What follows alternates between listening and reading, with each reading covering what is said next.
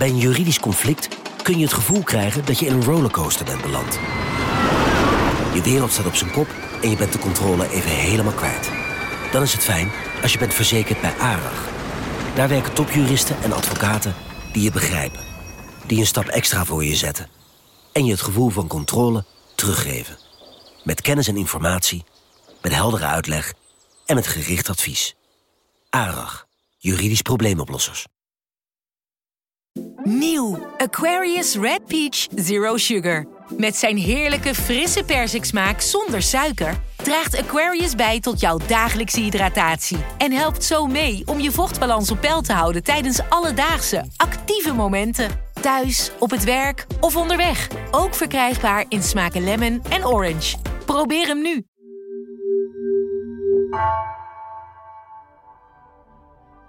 Vanaf de redactie van NRC, de zomer van vandaag. De komende weken hoor je vier bijzondere zomerseries. Deze week Doping Doodnormaal.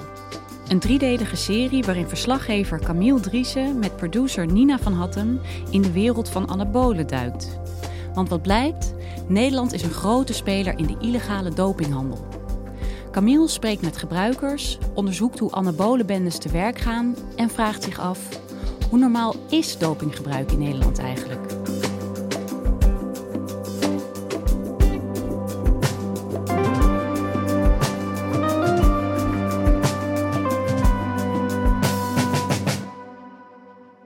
Je luistert naar de derde aflevering van Doping Dood Normaal. Aflevering 1 en 2 kun je vinden in je favoriete podcast-app. Maar laten we zeggen 40, misschien zelfs wel 50.000 gebruikers die je als problematisch zou kunnen zien, omdat die serieuze gezondheidsrisico's lopen. Bovendien is de gemiddelde gebruiker jonger aan het worden. Heb jij nog een, heb jij een beeld van wat de, wat de trend is? Neemt het toe in jouw ogen? Ja, het moet snel. En ik zie jongens van 17 en 18 al met een uh, spuit. De aanpak zo, uh, is versnipperd. Geen enkele instantie heeft doping als prioriteit aangemerkt.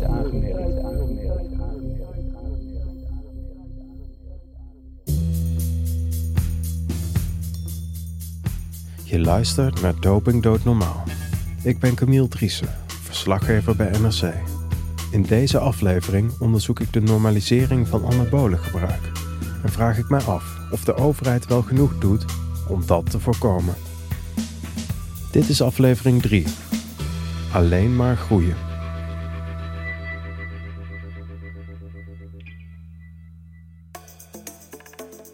Ik heb eerder ontdekt dat het ideaalbeeld van de man is veranderd en dat mannen daarom naar anabolen grijpen. Ik ben erachter gekomen hoe makkelijk het is om ze te kopen.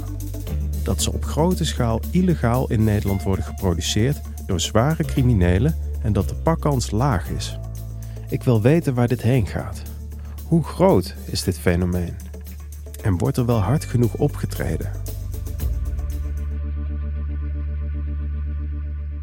Het is zaterdagmiddag. We zijn naar Helmond gereden en parkeren voor een kerk aan de rand van de stad. We gaan op zoek naar de Infinity Fitness. De hoek om en daar is de Infinity Fitness. Onbeperkt sporten voor 27,50 per maand. Hangt daar op Zwarte de wand. Banner met Ja, rode letters. Rode letters, ingang Infinity Fitness. Laten we naar binnen gaan. De 26-jarige Roy komt ons tegemoet lopen. Hey Roy, je staat ons al op te wachten. Top man. Hij heeft jarenlange ervaring met anabolengebruik. Zoals hij zijn er duizenden jonge mannen in Nederland. Ze worden ook wel cosmetische gebruikers genoemd, omdat ze anabolen nemen voor hun uiterlijk. Roy deed er bodybuildwedstrijden bij. Maar er zijn ook jongens die aan de anabolen zitten alleen maar om er op het strand goed bij te lopen. Roy draagt zwarte sportkleding en heeft een petje op. Hij loopt tussen de fitnessapparaten door. En als hij begint te praten, komt hij eigenlijk heel zacht over. Hij beschrijft welke types hier in de sportschool komen. Je ziet zeg maar, weinig, weinig mensen die zomaar even gaan sporten. Je ziet wel mensen die, eh, die zeg maar, groter willen worden. We, zitten- we zitten nu vlak voor sluitingstijd en er Ja. zijn nog acht man aan het sporten. Ja. Dus dat is best, best veel. Ja, op zich. Ja, Er zit, er zit daar iemand met smaak met een PSV-shirt aan. Dus, Precies, jij snapt het. Jij snapt het, dat is zeker Ja. waar. We lopen naar een zaal met rubberen tegels en serieuze apparaten. Als oud gebruiker vindt Roy het belangrijk dat luisteraars een eerlijk verhaal over anabolen horen. Daarom heeft hij ons uitgenodigd. Omringd door gewichten vertelt hij over zijn jarenlange gebruik. Hey, en hoe lang heb je dat volgehouden, het anabolen gebruik? Anabolen. eh, Ik ben dus begonnen rond de 20ste. Tot mijn, ik denk 23,5, 24. Ja. Ja, Dat is best wel een lange periode. Ja.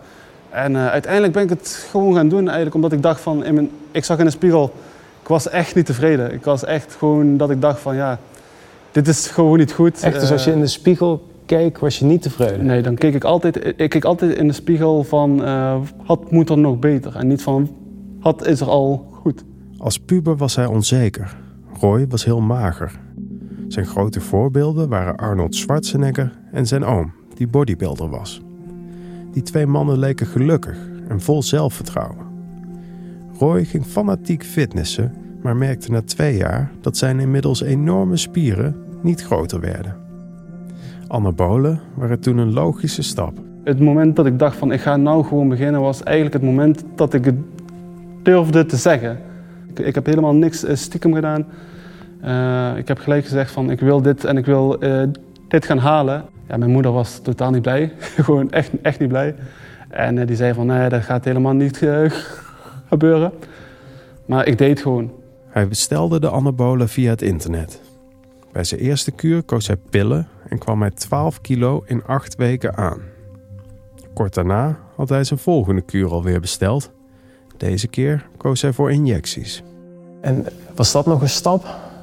Ja, want je moet wel iemand zeg maar, zien te vinden die dat, die dat wil gaan doen. Want het wordt vaak aangebracht in de bil. Dus jij moest iemand vinden die Ja. een spuit in je bil wilde zetten. Ja, eigenlijk wel, ja. Ja, klopt. En daar waren dan eh, vrienden of zo die, die, ik dan, eh, die ik dan vroeg. En dat was altijd, altijd, altijd wel goed. Maar eh, het was... Dan ben je wel goede vrienden. Dan ben je hele goede vrienden. klopt, dat, wordt- ja, dat klopt zeker. Maar die eerste keer de spuit, dat ik dacht van oké, ja, dit is wel serieus. Zeg maar. Je zag de naald en zo en ik ben helemaal niet van het spuiten. Dus het was voor mij wel spannend inderdaad. eh, omdat je weet, het, is- het is niet goed. Hij werd steeds groter en groter. Roy was vooral trots op zijn armen. Die waren breder dan zijn hoofd. Ja, mijn armen waren altijd mijn eh, goede, goede punt, zeg maar, laat ik zo zeggen. Maar mijn borst, ja, dat zijn gewoon dingen, daar, je, daar ging je gewoon voor werken. En dat moest meer en dat moest meer. Ik vraag me af of Roy een van die jongens was die je op festivals vaak ziet. Extreem gespierd en dan zonder t-shirt aan. En hield jij dan op een feestje je shirt aan? Of Nee, ook niet. Ik trok hem ook al uit. Ik trok hem ook al uit. Maar inderdaad, nee. Maar dat, dat, dat, maar dat heeft ook wel te maken met je bent wel eh, lange tijd bezig. En je bent gewoon tevreden met wat je hebt. En dat wil je ook laten, laten, laten zien. Ja, een mooie schilderij hang je ook niet achter het gordijn. Zo is dat. Zo is dat, precies. Roy is alweer een tijdje gestopt, maar hij zit nog volop in de fitnesswereld. En de anabole gebruikers, die pikt hij er zo uit. Hij ziet ze ook hier in de sportschool. En ze lijken steeds jonger te worden. Heb je een beeld van wat de trend is? Neemt het toe in jouw ogen? Ja, veel te vroeg. Op jongere leeftijd al ook. De spieren moeten snel eh, groter worden. Ze hebben niet... Ah, is, ze dat hebben de, niet die- is dat de instant gratification? Ja, het moet snel. En ik zie jongens van 17 en 18 al met een eh, eh, spuit. Zeg maar. Hoeveel van die jonge mannen zijn er eigenlijk die anabolen gebruiken? Het lijkt wel alsof het halve land in de sportschool hangt. Fitness is met 3 miljoen deelnemers de meest beoefende sport. Neemt dan ook het gebruik van anabolen toe? En wat kunnen we in de toekomst verwachten? Om daarachter te komen ga ik langs bij de dopingautoriteit. Nina, de zon schijnt. Ik zie waterlelies. Een moeder eend zwemt daar met de kroost in het water. Heel vredig ziet het eruit. Ja, nu klinkt het alsof we op een idyllische plek zijn, maar we zijn toch vlak bij de snelweg. We gaan op bezoek bij de dopingautoriteit aan de rand van Rotterdam. Het ligt net in Capelle, zag ik. Ja. Zo'n klassiek industrietrein is dit eigenlijk. Goedemiddag, wij zijn van NRC. We lopen de trap op en worden binnengelaten door Hans Wassink. Hij heeft een bril op en een grijze baard. Hans draait al decennia mee en weet alles van de bodybuildingwereld. Sinds 2006 is hij voorlichter fitness bij de dopingautoriteit en de expert op anabole vlak. Als we hier binnenkomen lopen, zien we vier grote glazen vitrinekasten die vol liggen met pakjes, flesjes, inhalers, blikjes, pleisters, pipetjes, naalden. Ik zie hier androgene steroïden, anabole middelen, androgene anabole steroïden, Oost-Duitse anabolica. Hans, wat, wat is dit? Ja, de- dit is ons eh, dopingmuseum eh, en ook wel een beetje onze trots. Hè. Het is natuurlijk een heel eh, mooi overzicht van allerlei middelen die in de loop der jaren gebruikt zijn en, en, eh, en, en voor een groot deel eh, nog steeds eh, gebruikt worden. Dat zijn ook eh, nagenoeg eh, allemaal middelen die eh, op de dopinglijst staan. Hier ligt een gigantische spuit en daar staat androgene anabole steroïden bij. Ja, nou ja, dat, dat is de.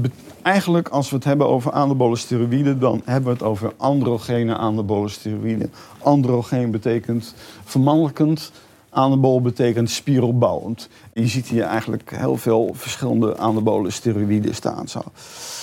Een paar honderd middelen staan hier toch al. Zo opgesteld, dat dacht ik wel. We lopen langs de vitrinekasten naar een kantoor. Daar zit Herman Ram, voorzitter van de dopingautoriteit. Hij heeft een pak aan en leunt zelfverzekerd met zijn ellebogen op tafel. Hij is de man van de cijfers en het beleid. Kan je wat vertellen over ehm, hoeveel gebruikers telt Nederland eigenlijk? Ja, dat is een hele goede vraag. Ehm, waar jammer genoeg te weinig echt harde cijfers over bekend zijn. Het laatste eh, onderzoek wat werkelijk betrouwbare cijfers opleveren is uit 2009. Dus dat is inmiddels 12 jaar oud. Toen sprak je uiteindelijk over een, eh, een totale groep van ongeveer een 160.000 gebruikers. Maar daarbinnen heb je dan een groep van in ieder geval enkele tienduizenden, zeker, die echt tot de hardcore eh, behoren. Die dus structureel anabole middelen en aanverwante middelen gebruiken. Eh, recente onderzoek is, is daar vaak weer wat moeilijk mee te vergelijken. Maar feitelijk groeit het gebruik zeer waarschijnlijk ook mee met de omvang van de hele fitnesswereld. Naarmate er meer gefitnessd wordt, eh, moet je wel aannemen eigenlijk dat het eh, gebruik er ongeveer gelijke tred mee houdt. Die is enorm gegroeid Ja, zeker. Ja, ja, ja, die is zeer fors gegroeid in die twaalf jaar. Dus ehm, zonder het op dit moment helemaal hard te kunnen maken. Wij gaan op dit moment uit van waarschijnlijk zo'n 200.000 gebruikers van iets. Maar dat is dan ook inclusief ehm, niet anabole kuren, stimulantia en dergelijke. En daarbinnen is een groep van, nou ja, het is heel moeilijk te zeggen, maar laten we zeggen 40, misschien zelfs wel 50.000 gebruikers die je als problematisch zou kunnen zien, omdat die serieuze gezondheidsrisico's lopen. Bovendien is de gemiddelde gebruiker jonger aan het worden. Dat zijn gewoon statistische ontwikkelingen die je, die je ziet. En dat is natuurlijk een ontwikkeling die ook weer consequenties heeft, zowel in de gezondheidssfeer als in de sociologische context. Als er 40 tot 50.000 mensen risico's lopen en gebruikers steeds jonger worden, waarom is het dan zo makkelijk te krijgen? In landen als Zweden, Denemarken en België is anabole gebruik gewoon verboden. Zou Nederland dat ook niet moeten doen? Nee, kijk, ik denk dat in Nederland een dergelijk verbod, dus buiten de georganiseerde sport, topsport, eh, niet handhaafbaar is. En dat je het ook helemaal niet moet proberen. Ik vind in een land als Nederland dat het eigenlijk wel zeer vreemd zou zijn als je alle middelen gebruikt waar de burger zich aan overgeeft, feitelijk toestaat. En dan, dan gaat dat van het pilletje op, op het festival tot, eh, u zegt het maar. Eh, maar specifiek voor dit onderdeel dan wel een, feitelijk een, een hard handhavingsbeleid zou invoeren. Ik zou dat, eh, ik ben geen politicus, maar ik zou dat niet goed kunnen verklaren. Waar het uiteindelijk toch op terecht komt, is dat je alleen maar kunt gebruiken als je ook wat kunt krijgen. Eh, dus de, de, de verkrijgbaarheid, de beschikbaarheid van dopingmiddelen eh, is ergens natuurlijk toch een cruciaal punt in eh, het hele probleem. Als de handel in deze middelen blijft bestaan en we nu al tienduizenden gebruikers hebben, welke toekomst staat ons dan te wachten? Als je de lijn die er nu is zou doortrekken, dan, dan, ja, dan zul je dus eigenlijk toch over het algemeen moeten vrezen, laat ik het dan toch zomaar zeggen. Dat het gebruik zal toenemen, dat de intensiteit van het gebruik zal toenemen, dat de leeftijd gemiddeld achteruit zal gaan. En jij voorspelt eigenlijk een, een verdere groei van de cosmetische gebruik. Op dit moment is er alle reden om aan te nemen dat die groei nog doorzet. Want uh, je ziet nu niet een afvlakking van het effect of iets dergelijks. Uh, uh, Integendeel. En dat hangt natuurlijk zo direct samen met, met, met de maatschappij waarin we spelen, waar beeld verschrikkelijk belangrijk is. En in een wereld waarin Instagram ongeveer het wereldbeeld bepaalt, ehm, is het eigenlijk onvermijdelijk dat dit een belangrijke factor wordt. Het lijkt wel een vicieuze cirkel. Mannen willen steeds gespierder worden omdat ze op Instagram en elders andere mannen zien die extreem gespierd zijn.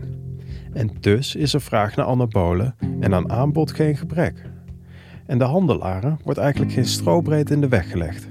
Ja, er worden wel eens bendes opgerold, maar de pakkans is laag, net zoals de straffen. Wie is hier eigenlijk verantwoordelijk voor? Nou, dat zijn nogal veel instanties. In Nederland spelen de Nationale Politie, het Openbaar Ministerie, de Nederlandse Voedsel- en Warenautoriteit, Inspectie Gezondheid en Jeugd en de Fiscale Inlichting en Opsporingsdienst allemaal een eigen rol bij de aanpak van anabolen. Werkt dat? Anton van Wijk, de man die voor het ministerie het Nederlandse dopinglandschap onderzocht, is kritisch.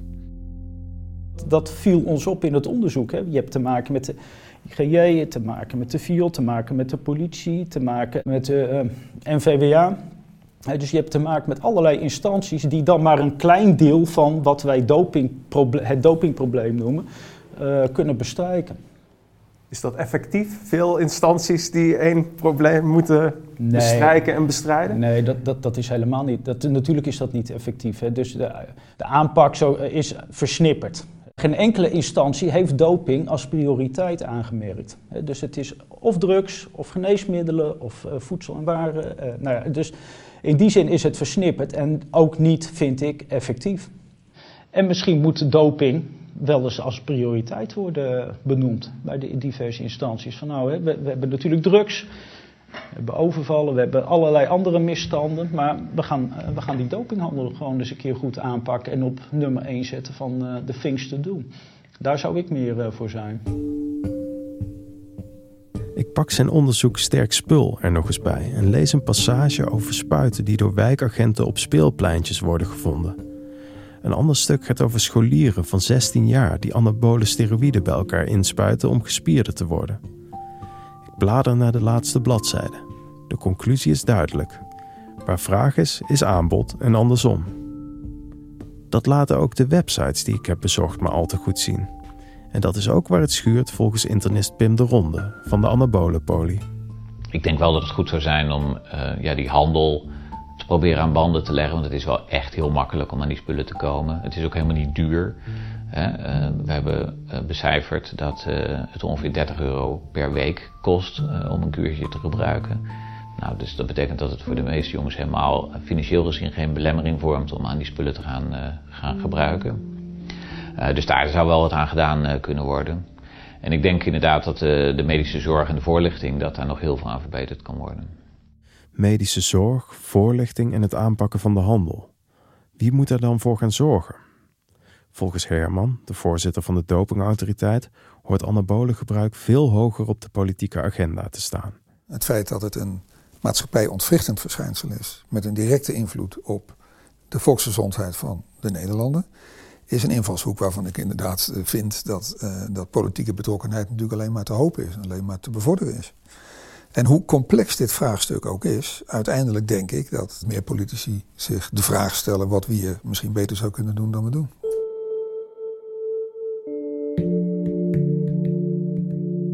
Ik ben er in drie afleveringen achter gekomen dat je extreem makkelijk anabolen kan kopen.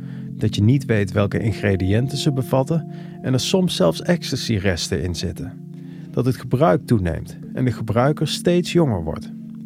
Ondertussen blijkt Nederland een belangrijke productieplek en storten criminele bendes zich vol overgave op de lucratieve handel.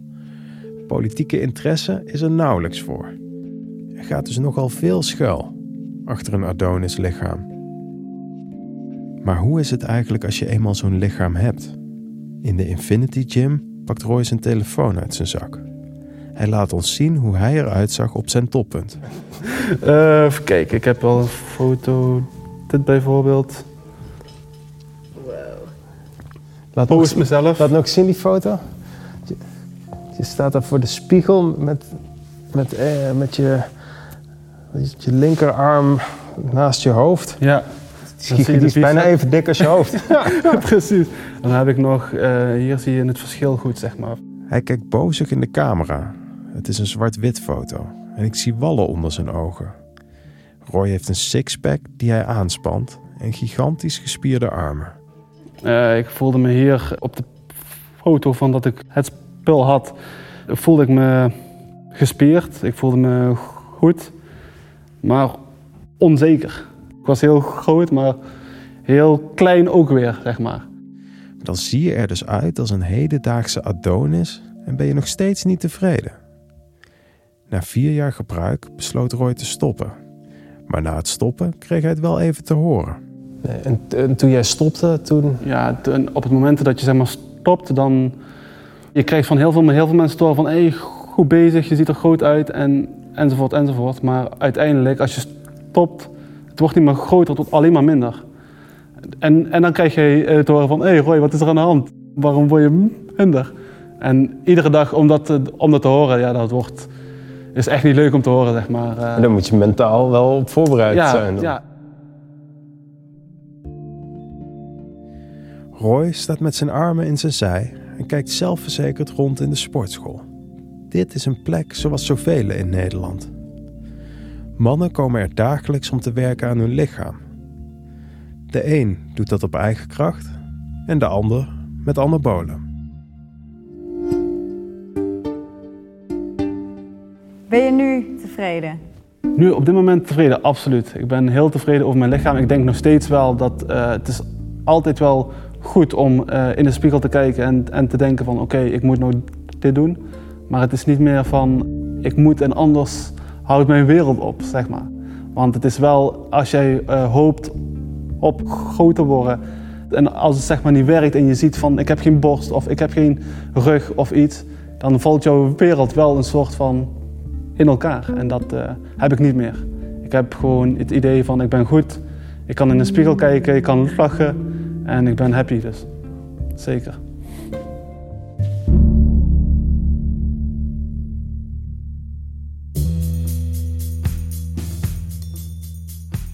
Doping Doodnormaal is een podcast van NRC. Deze aflevering werd gemaakt door Camille Driessen en Nina van Hattem. De montage werd gedaan door Jeppe van Kesteren. Edo Havinga deed de eindredactie.